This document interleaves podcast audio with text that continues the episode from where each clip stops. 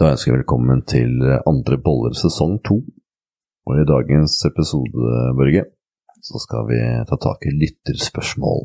Mhm. For fokuset for sesong to er trening. Ja. Og det er som følger. Jeg leser hele. Gjør det. Eh, Spørsmålet mitt er om man starter å trene med et for høyt volum og tilpasser seg volumet, kan det ødelegge noe for det totale potensialet man har, hvor stor man kan bli. Skal vi starte med det der eh, spørsmålet der, Børge? Og så går vi videre nedover, for det er flere spørsmål i eh, spørsmålet her. Ja, det um, Jeg har jo gjort meg en del notater her for å liksom prøve å holde litt oversikt. Så la oss først starte med at hver enkelt person kan i, i all hovedsak kun bli så stor som genetikken din og hormonnivået i kroppen din dikterer.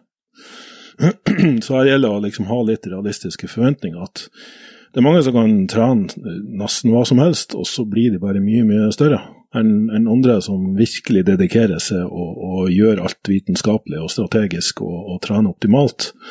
Men du kan si min, min store sånn kjepphest har jo vært at eh, jeg mener når, for muskelvekst så trener de fleste altfor mye. At det blir en greie at vi ser på hva er det bodybuildere gjør, hva er det liksom mange av de beste og største i verden gjør. Og så tar vi egentlig ikke hensyn til at det her er jo den genetiske elite. De som gjerne de, før de gikk inn på et gym, hadde en eksepsjonell, et eks- eksepsjonelt talent for å bygge muskler.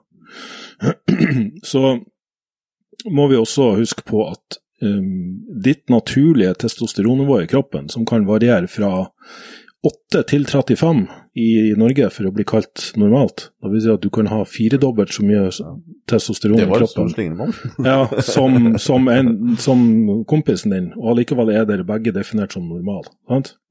Så er det jo ganske åpenbart at han med 35 har eh, sannsynligvis bedre resultat av et gitt treningsprogram enn det du har som har 8. Ja. Eh, og der har vi jo også gjort mye jobb med, med folk og sett på liksom både kosthold og, og miljø og, og stress og alt mulig, hvor mye det faktisk kan ha å si på hormoner. Og da, da i seg sjøl kan gi bedre resultat. Men um, for å svare kan du si, direkte på det spørsmålet, vi har egentlig ingen langtidsstudier. De fleste studier begrenser seg til 8-12 uker, der noen går opp til 6 måneder. Som ser på effekten av ulike treningsvariabler og hvor mye muskelvekst det gir. Og Der har vi straks et lite problem, fordi vi kan ikke nødvendigvis anta at det du oppnår i løpet av 8-12 uker på en viss treningsprotokoll, vil, eh, vil eh, fortsette over flere år. Så det koker stort sett ned til at eh, uavhengig av treningsprogram, omtrent, så lenge du har regelmessige resultater, så vil det var genetikken din og hormonene som bestemmer hvor stor du blir til slutt. Så trener du lenge nok, så kan vi anta at du vil ende opp på omtrent samme eh, nivå. Men det er Det er ei veldig interessant bok eh, på, som er skrevet på 60-tallet av en østtysk forsker. Og det gjorde jo utrolig mye si kult på den tida i det gamle Øst-Tyskland. Eh, det der. Eh, for eh, da var det prestisje å få folk så gode som mulig til OL. Og sport og idrett generelt. Så hvis vi nå ser bort fra hele det elementet med, med designersteroider, som de jo da utsatte både menn og kvinner for på den tida, så s- kom de fram til ganske klart Denne boka heter 'Physiology of Strength', um, og var skrevet av en som heter Hettinger. Um, og der, hadde der studerte de helt vanlige folk da, over flere år, og så på liksom ulike treningsprotokoller og sånn. Og, og det som var et gjen, gjentagende tema, var at de som hadde hurtigst muskelvekst i starten, dvs. Si at de kanskje enten responderte ekstra bra, eller at de eh, ble liksom satt på den eh, treningsmetoden som ga de hurtigste resultat. Det var ikke nødvendigvis de med aller høyest treningsmengde, men si at de fant den, den koden, da, knekte den koden. Det var de som også stagnerte fortest. Sånn at eh, de som bygde seg sakte, men sikkert opp, fordi det er ikke bare mus altså Muskelen er voldsomt adaptiv. Den kan i enkelte forsøk eh, dobles i størrelse, i, altså, nesten uten næring, og, altså, men bare sånn voldsomme eh, protokoller der de Sånn så, Der gjør de jo veldig ofte på rotte. da, Så kutter de uh, ene de, Du har to leggmuskler, en indre og en ytre. Solus og gastrocnemius. Kutter de sena til den ene, og så bare det at rotten går rundt med sin egen kroppsvekt, uh, gjør at de uh, bare det at de kutter sena på den ene leggmuskelen, sånn at den andre leggmuskelen må ta over belastninga mens de går rundt i daglige virksomheter, så vokser den gjenstående muskelen så hurtig at den uh, kompenserer for den tapte styrken og, og størrelsen av den, den, som ble borte. Ja. Så, så det, er, det, ligger et ekstremt potensial der. Men det som er grensa, er jo ledd og sener og bindevev. Og så er det den energetiske tilførselen til, til muskelen, som, som, eh, som, gjør det at ja, selv om muskelen kanskje vokser seg veldig hurtig veldig fort, med et høyt treningsvolum, så kan vi nok også anta, ut fra det vi vet om, om fysiologi, at det vil også føre til at det stopper opp veldig, veldig mye raskere. Og, og eh, der har jeg òg sett erfaring at, at hvis, hvis, du har hastverk, hvis du går for hardt til verks, Eh, så kan du oppnå veldig hurtige eh, økninger, men da stopper opp, og du får vondt og smerter og senebetennelse og alt mulig sånt, fordi kroppen bare rett og slett Sorry, men nå må jeg ha tid på meg til å eh, kompensere for at hele systemet skal klare å henge med. Så, så hvis du isolerer muskelen, tar den ut av kroppen og setter den i et uh, laboratorie, så, så, kan du selvfølgelig oppnå veldig raske resultater, men muskelen opererer i kroppen din i et system der alt må henge med for at det her skal kunne fungere i, i hverdagen. Jeg har jo på et tidspunkt Børge, vært ganske veltrent. Jeg er 90 høy og har vært sånn ca. 110 kilo en plass. Og jeg husker eh, jeg var ca. 25 i 2004. Så hadde jeg fram til det trent veldig mye Det var bryst og rygg en dag, og så var det triceps og biceps en annen dag, og så var det pause, og så var det bein. Jeg følte liksom aldri fikk noen sånne store resultater fra det, og jeg ble lei. Men så kom jeg over noe som heter HST, og det har jeg sverga til siden. For da kjørte jeg hele kroppen tre ganger i uka, og jeg passa på alltid å ha progresjon for hver gang. Og det har jeg sverga til siden. det er eh, Selv i dag som jeg ikke har så veldig mye tid til å trene, så er jeg fortsatt akkurat samme program. Responsen kommer utrolig raskt. Og hva er årsaken til det, og hva er din kjennskap til HST, Børge? Ja, det er kanskje mange som vet at det var f.eks. den som skrev den norske artikkelserien om nettopp HST eh, tilbake i 2003-2004, var det vel? 2003. Um, hypertrofi spesifikk trening. Så det er altså et satt, egentlig et sett med prinsipper utvikla av eh, amerikaneren Brian Haycock. Um, som, uh, som, går på nettopp da at du skal trene hver muskel med tre ganger i uka, du skal trene med et passe volum, og så skal du ha en belastningsprogresjon som går fra eh, rundt 15-20 repetisjonsmaksen din og ned til 5-rep-maksen din, og kan gjerne fortsette her da etterpå med sånn ren eksentrisk trening. Så fokus på progresjon, fokus på å trene hver muskel oftere. Um, og så er det en periode med hvile etter hver treningssyklus, sånn at du på en måte skal resette uh, muskelfølsomheten for belastning. Ja, for jeg husker det var slitsomt, det tunge negative, husker jeg. Ja. Da var det greit å ha litt pause på senere og sånn. Ja, ja. Hva er grunnen til at man får, i hvert fall for min del, så bra respons på et sånn type program kontra det vanlige tradisjonelle som kanskje brukes mer? Jo, det, det er flere ting som spiller inn. Um, litt sånn relatert til det spørsmålet, hvis du starter med for høyt volum um, For det er jo sånn at uh, hva, hva, kroppen tilpasser seg, uh, er veldig spesifikt. Det kalles uh, Specific Adaptation to Imposed Demands, SAID-prinsippet. Um, så, så det du krever av kroppen din, uh, vil den også levere. Eh, det høres logisk ut, mm. nettopp fordi det er sånn det fungerer. Um, og, og, også knytta her mot, mot, genetikk. De har gjort det, vi har tidligere hatt en oppfatning av at det, det du er født med, det er sånn vil det være. Sånn mm. vil det bli.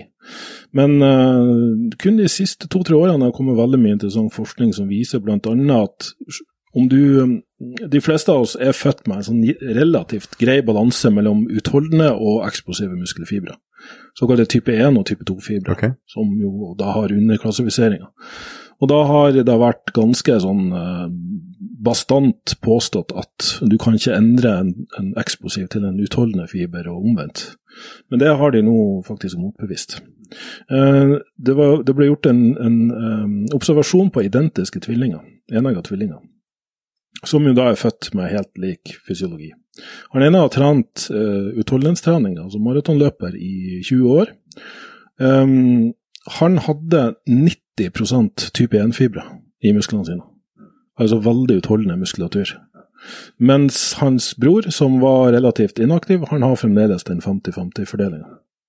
Eh, det vi vet, er at type 2-fibrene dine, de eksplosive, er de som har størst potensial for muskelvekst. Mens type 1 er de som da beholder størrelsen, stort sett. Blir litt større, men, men aller mest uh, utholdende. Så sånn som jeg ser da, så har vi en skala fra at du har lav belastning um, og høy treningsmengde. Det er det som skaper utholdenhetstilpasninger.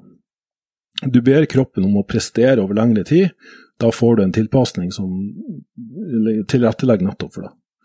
Mens med korte, høye belastninger, kortvarige høye belastninger, altså lavere volum, men, men, tyngre vekter, og spesielt av progresjon i vekt, fokus på progresjon i vekt, ikke progresjon i volum, så får du tilpasninger som er mer retta mot styrke og muskelvekst, altså volum. Det er sånn helt rent fysiologisk. Men det er klart, innenfor det eh, muskelvolumspekteret, så er det jo fremdeles det opereres med Det som er mest vanlig i dag, er at vi ser på hvor mange sett hver muskelgruppe får hver uke. Ja. Og der er det jo påstått at alt fra fem sett per uke til 45 sett uh, er, er, liksom det vi kan jobbe innenfor. Um, og en helt nylig studie påsto da at jo mer volum du gjør, jo mer resultater får du. Og det motstrider egentlig alt som er gjort av tidligere forskning, sånn at den fikk veldig mye kritikk. Det var en kortvarig studie på 20-åringer med veldig lite stress. Så det er nok en kombinasjon av at um, hvis alt ligger til rette for det 20-åringer har naturligvis bedre hormoner. De har lavere stressnivå og høyere toleranse for trening. Og så var det en såpass kortvarig studie at det kan hende at det her var noe som fungerte greit i de ukene som studien varte, men at det over tid ville ha gitt problemer, som vi snakka om i stad.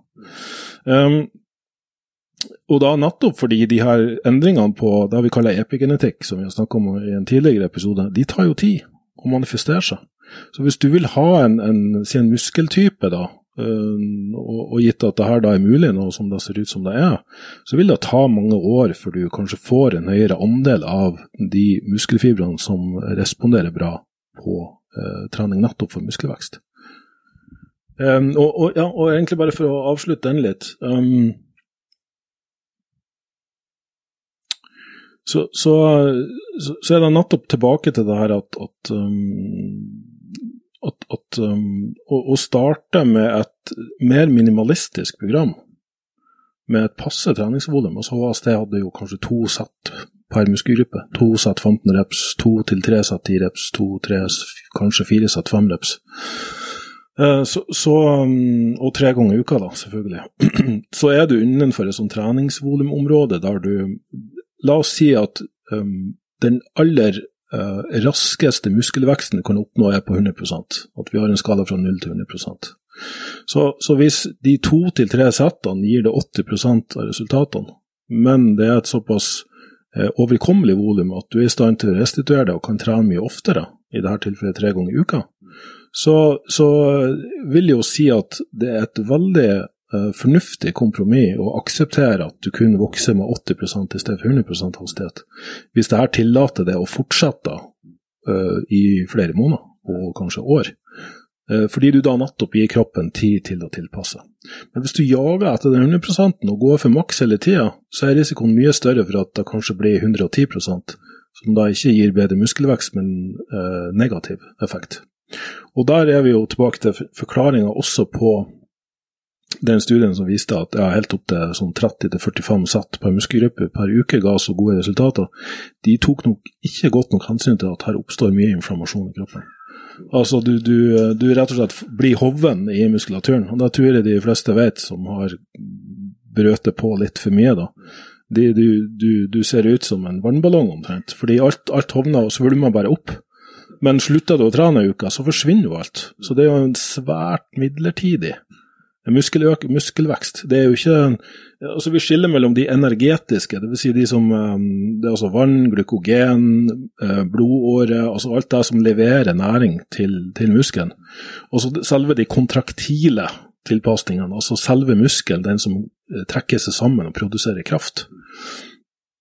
Og de energetiske de kan gjerne respondere veldig bra på ja, egentlig både høyere reps og høyere volum, altså summen av satte repetisjoner, liksom. Uh, mens selve den muskelens evne til å trekke seg sammen, og de proteinstrukturene som ligger der og skaper kraft, de responderer nok litt bedre på både den progresjonen, mer moderate treningsmengder, de tar litt lengre tid på å bygge seg opp og restituere seg, og, og at her må du rett og slett bare ta, ta tida til hjelp og la det her skje over tid. Så, så, det er egentlig også en grunn til at HST fungerte såpass bra. For du har en periode med høyere reps og, og da også volum, og så gikk du gradvis over til lavere reps og fokuserte mer på, på de kontraktile strukturene. Så energetisk, kontraktilt. Og så gjentar du den syklusen over egentlig måneder og år. da.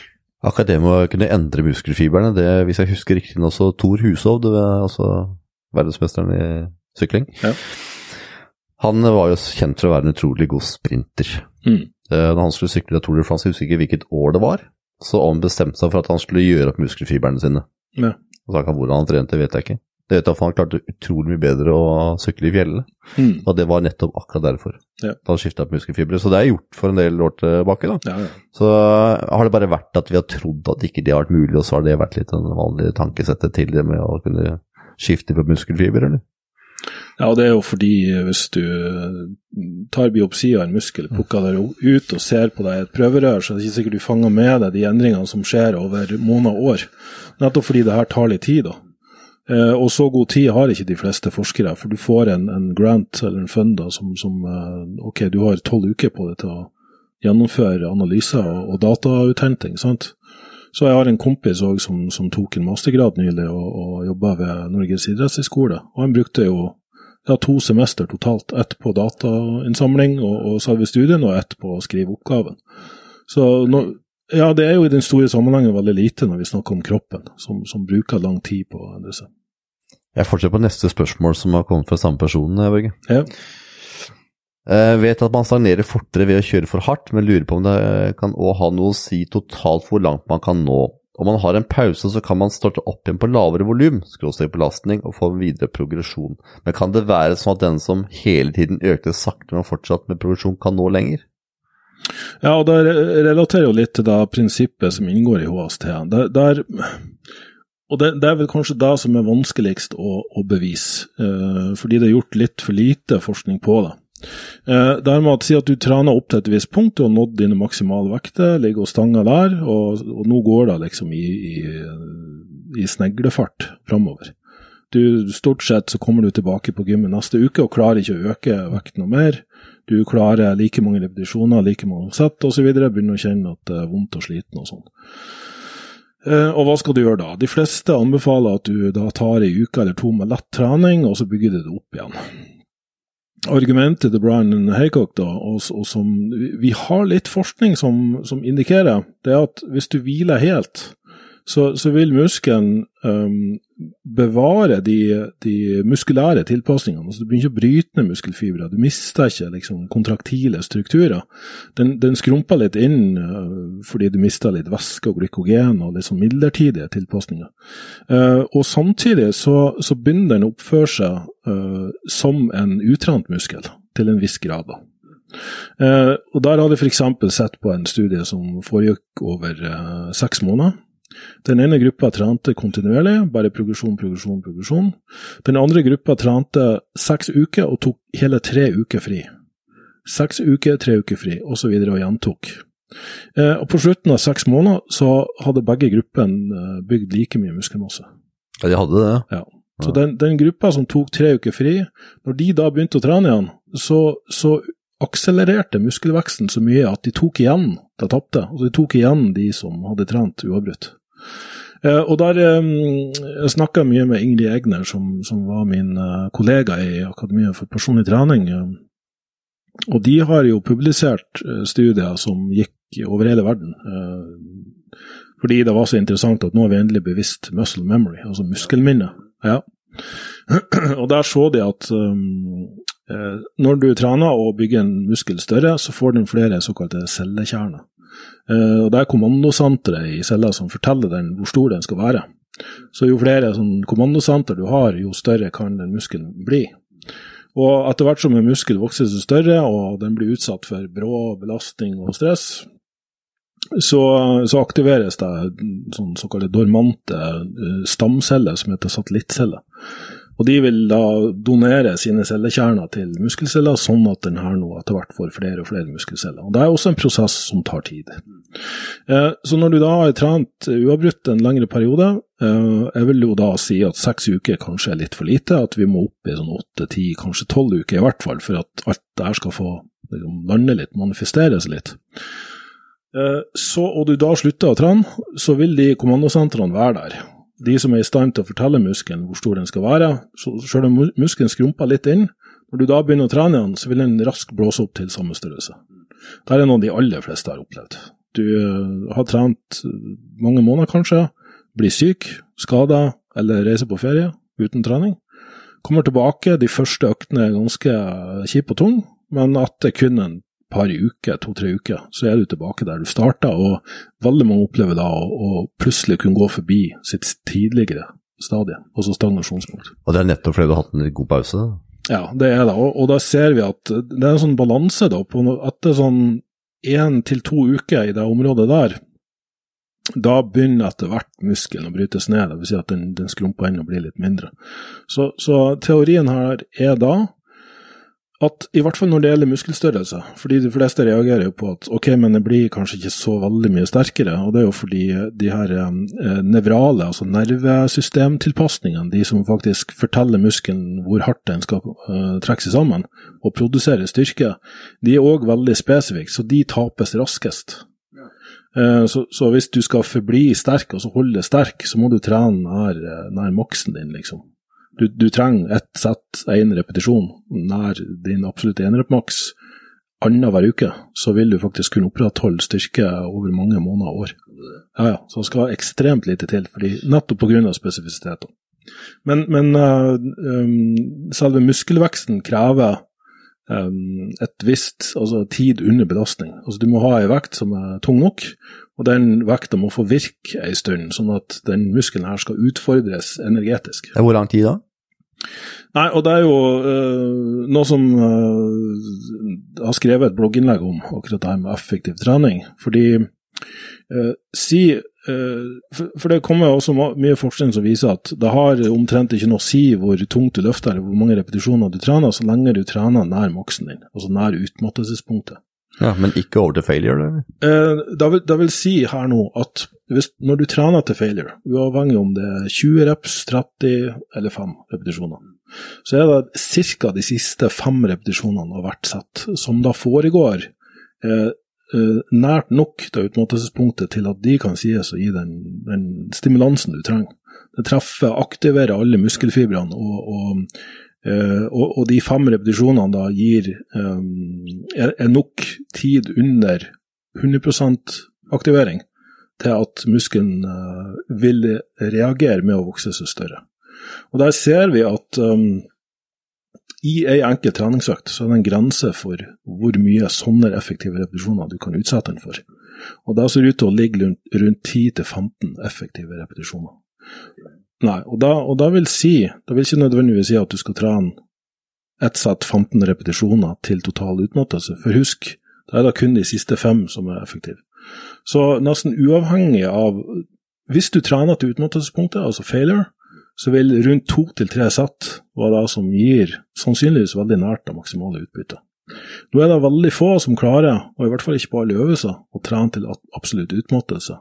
I tillegg til så er den akkurat den siste repetisjonen der du tyner deg og liksom må ha litt hjelp fra kompisen din, den kan gjerne fordoble restitusjonstida. Og da begrenser jo da hvor mange treningsøkter du får i løpet av uke, pluss at du vil gå rundt og være sliten hele tida. Så, så, det vil lønne seg å holde tilbake og ha si én eller to repetisjoner i reserve hvert sett. Da kan du også trene litt flere sett, og da er vi kanskje si rundt tre til fem sett per treningsøkt per muskelgruppe. Vil være et område som vil passe for de aller fleste, og at du da kan faktisk gå og trene litt på overskudd. Det jeg selv har følt på, da, tidligere i alle fall, mm. så er det når jeg har trent veldig mye negative repetisjoner. Ja, altså eksentriske, da Eksent, du kun ja. senker og holder igjen yes. vekta. Ja. Det har jeg følt at det har respondert veldig godt for meg, i alle fall. Mm. Men sånn som jeg tolker det ut fra sånn som du sier nå, så er jo det noe som gir en veldig utmattelse, da. føles i hvert fall sånn ut. For da har man på en måte press på muskulaturen veldig lenge. Ja. Ofte litt mer enn det som kanskje er beregna for, for å få ekstra ut av den eh, eksentriske fasen. Mm. Hvordan er den eksentriske fasen da beregna i forhold til det med at man skal ha de fem repetisjonene? Hvordan fungerer det her inn i sammenhengen? Her? Ja, Det gjelder litt, litt samme prinsipp der, men, men, det er klart siden du er så mye sterkere i den eksentriske fasen, man sier mellom 20 og 40% tyngre vekt, klarer du å øh, kun senke i stedet for å løfte. Eh, og så gir det en litt annen eh, muskelfiberaktivering. der skjer endringer der, der, mange av de her elementene sant, de strekkes i stedet for å kontraheres. Så det er en litt annen type belastning som man, som man har sett på. Så hvis du sammenligner um, Det er fint å kjøre de to sammen på samme økta, da? eller? Ja, altså Det gjør det jo for så vidt, uansett. Du løfter jo konsentrisk og du senker eksentrisk. Dvs. Si at hver normale repetisjon i et sett har både konsentrisk og eksentrisk. Men ikke spesifikt på samme måten, vel? Nei, det stemmer. For hvis du forlenger en treningssyklus med å øke vekten eh, forbi det punktet at du ikke klarer å løfte mer, at du får noen til å løfte i, eller at du løfter med to armer og bein og senker med én, så kan du få en overbelastningseffekt. Men den er ikke demonstrert i, på lengre sikt og var så veldig mye mer effektiv. Og, og i tillegg så gir de konsentriske, da å vekt, gir en type tilpasninger på f.eks. glykogen og, og litt, litt, sånne ting, som du ikke får med ren, kun utelukkende eksentrisk trening. Så, så, jeg vil nok kun bruke det som en sånn kort overbelastningsfase helt på slutten av treningssyklus, nettopp fordi det er såpass overbelastende som det. Det går jo veldig røft utover eh, sana ledd, fordi det er så tunge vekter som brukes. Jeg lurer som alltid på ting. Ja, det er bra. Bare for å slutte jeg lurer på noe her nå. Ja. For jeg merker nå har jeg brukt veldig mye tid den siste tiden på å tøye veldig mye ut. Ja. Og ta mye infrarød badstue. Mm. Og gjøre ting som gjør at jeg føler jeg får en indre ro. Jeg er en mm. person som har ofte 200 km i hodet, og er alltid er i 200 km. Mm. Nå prøver jeg å roe den ned, da. Ja. Og da jeg har jeg merka at der jeg før har trent og har stressa meg gjennom treningsøkta med kjappe repetisjoner, mm. så er det nå bruker jeg mye lengre tid på hver repetisjon. Ja. Ikke fordi jeg gjør det bevisst, mm. men fordi jeg føler at det gir meg en Med kontakt med muskler? Ja, ikke bare det, men det, det, er, jeg, det, føles mer behagelig ut og bedre ut å kjøre en sein repetisjon kontra å kjøre en rask repetisjon som jeg gjorde mm. før når jeg var eh, litt mer hektisk. Ja. Hva er årsaken til det? Eh, det er jo litt det her med altså Hvis du går inn i treningsøkta i en stressa tilstand og skal få det unnagjort, eller at du, du jager liksom at resultater, så, så, vil det her være Det er jo noe vi, vi ser helt åpenbart i studier, det er jo at stress, til og med mentalstress, altså fordobler også restitusjonshastigheten. Så, så, det tar mye lengre tid å få den ønska effekten av gitt treningsøkt hvis at det her stresses med. Og så er det jo sånn at hvis, hvis, du løfter veldig sånn eksplosivt, altså ballistisk, nesten med sprett, så får du ikke like høy muskelaktivering. Eh, du, du bruker mye av, de, eh, av bindevevet ditt til å sprette på, omtrent. Så, så um, det, det, viser at hvis du har en intensjon om å løfte hurtig, så, så er det på en måte greit. Så hvis vekta er tung nok, så vil, så vil læra likevel gå ganske sakte. Og Det samme gjelder på slutten av et høyrepsett. Da vil vekta også begynne å bevege seg veldig sakte. Og Det er den, det er den bevegelsen som skaper den stimulansen vi er ute etter. Dvs. Si at det går sakte fordi du er utmatta og eller vekta er tung nok. Men så må du faktisk senke vekta kontrollert. For Hvis du nesten lar den droppe i fritt fall, så får du for det første ikke den eksentriske fasen som du nettopp sier er såpass effektivt, for, for det er den. Og så belaster du bindevev og ledd og sana ekstremt mye, som, som, da igjen setter i gang en sånn strekkrefleks, og du har mye sånn beskyttelsessensorer i muskelen din som prøver å ta vare på den.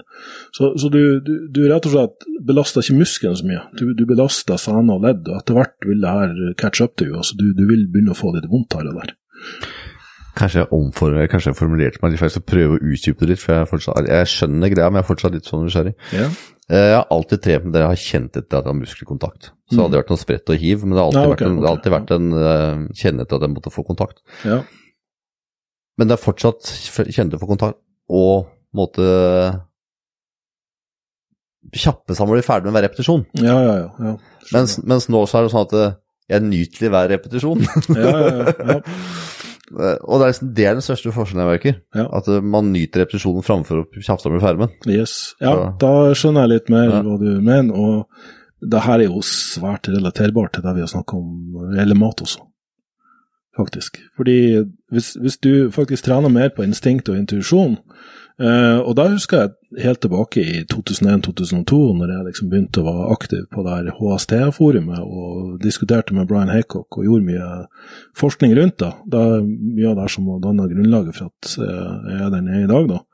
Um, så, så var han veldig sånn ute på at Husk, folkens, det her er generelle prinsipper. Vi må ha belastningsprogresjon, det er det aller viktigste. Du må stadig belaste muskelen litt tyngre og tyngre over tid, og, og bli sterkere. Eh, vi må ha et passe treningsvolum, kun trene ofte nok. Du må ha perioder med hvile her og der, sånn at du kan liksom restarte, resette eh, vevet ditt, sånn at muskelen vil respondere igjen. Men du må også begynne å bli mye mer bevisst på opplevelsen, altså følelsen du har i muskelen når den er trent nok. For i stedet for å basere det på alle generelle retningslinjene, ok, du, du skal trene tre sett eller fem sett, eller det skal være til utmattelse eller én rep fra. Altså, mye av det her blir veldig sånn overordna retningslinjer som gjelder kanskje for folk flest, men på individbasis så har alle ulik terskel. Så for er du en veldig stressa person, så kan du verken trene så ofte, eller med så høyt volum, eller så nært utmattelse. Så alt det vil begrense ting. Um, og hvis du da bare rush, i tillegg rusher gjennom uh, treningsøkta fordi du er så stressa som du er, da, så, så kjenner du ikke etter om ok, var det her en effektiv treningsøkt, eller var jeg bare en slave av et program. Så ved å være mye mer bevisst, så, så kan du faktisk kjenne at uh, kanskje bare et, etter ett sett, så kjenner du at muskelen har en sånn, en sånn dyp følelse av um, stimulans. Da. Du bare kjenner ok, her er det en viss grad av pump, du kjenner litt sånn sårhet, og du, du rett og slett ja, jeg, tror det her er nok for i dag, altså. Og så, tillater det sjøl å ha den flyten uh, og variasjonen, at noen treningsøkter så er kanskje ett sett nok. Du, du, da har du gjort det du trenger. Mens du i neste treningsøkt så er det bare ja, tatt et sett, så jeg har litt mer å gi, altså. Jeg, vil, ja, jeg kjenner at her er litt, litt mer igjen. Ta et sett til, kanskje enda et sett til, og enda et sett til igjen. Og så ok, nå begynner det å føles bra. Og, og der er jo sikkert òg grunnen til at autoregulering, som det heter, som, som konsept, konseptuelt sett, har blitt så populært de siste årene. At for folk som ikke er instinktive og in tune med kroppen sin på den måten, eller villig til å bruke den tida på hver treningsøkt til å bli bevisst på hva som foregår inni muskelen din, så, så bruker vi visse sett med regler der også, som for eksempel, så kan jeg si eh, Når du har mista tre til fire repetisjoner fra ditt beste sett, så stopper du. Så la oss si at du klarer ti reps på første sett. Så klarer du åtte reps på neste. Du trener like nært der utmattelsespunktet, da. Og så klarer du sju reps på det tredje. Da stopper du. Mens noen de er kanskje anlagt sånn, eller har en måte å trene på, eller har en arbeidskapasitet, hva enn som er underlaget, da. At de klarer ti, ti, ni, ni, ni, åtte, åtte, sju Altså, ok, ikke så ekstremt, da. Men jeg har sett, jeg har sett de som klarer å altså, gjenta like mange repetisjoner på hvert sett i flere. Og da kan det være fordi, nettopp fordi de holder mer igjen på første sett. De har en annen type muskelsammensetning. De har en mentalitet som er innstilt annerledes. De har en veldig god dag. Hva enn det nå er, da, så kan det hende at den personen ender opp med seks sett fordi går fra ti reps til sju reps. Og da vil begge de her to personene få akkurat like effektiv stimulans. De vil få det aller beste ut av den treningsøkta. Og det er også noe vi, vi, det finnes gode studier på, og jeg selvfølgelig da som coach i 20 år har sett at det her fungerer virkelig. Det er folk som i snitt kan forvente si 20 økning på et år, som klarer det her på tre måneder, fordi de trener mer i forhold til dagsform. Så, så, det er egentlig litt interessant at vi nå er nødt til å begynne å gi folk regler for at de skal kunne lære å liksom lytte kroppen. da. Sånn at det her med å lytte kroppen er blitt bare en sånn klisjé som mange ja. ja, ja, jeg lytter til kroppen. Viktig, altså. Jeg sitter med stetoskop på bicepsen og hører hva han sier, men han sier veldig lite, så derfor pumper jeg i vei. Sånn, ja. ja. Og det med å sagt, jeg tøyer ut både morgen, på morgenen og mm. på kvelden, mm. pluss at jeg har fire ganger i uka med infrarød badstue. Ja. Og det kjenner jeg at den der, det tempoet, hvor mye det senker tempoet, da. Ja. Hvor mye det reflekterer over i alle andre ting. Ja, ja. ja det er, og det er det glemte elementet. Folk mm. fokuserer så mye på hva er det som stresser og stimulerer. Men så glemmer de at etter stress og stimulans, så skal du ha restitusjon. ja. Så hvis ikke du, er, hvis ikke du rocker restitusjonen din, mm. så, så, skal du bare glemme å stresse og stimulere. Mm. For du får ikke resultatet av det. Veldig sant, du må aldri tenke på det.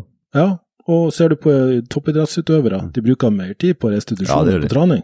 De er veldig glad i å sove. Sover mye, spiser mye. altså De, ja. de ivaretar jo alt. De sørger for at uh, alt er tilrettelagt for å kunne trene nær sin maks. Veldig spennende, Børge. Og for deg som lytter, så må du gjerne sende spørsmål til podcast at myrevolution.no. Og inntil neste gang, Børge. Ja. Ha en fin dag. Takk, det samme. Ha det bra. Ha det.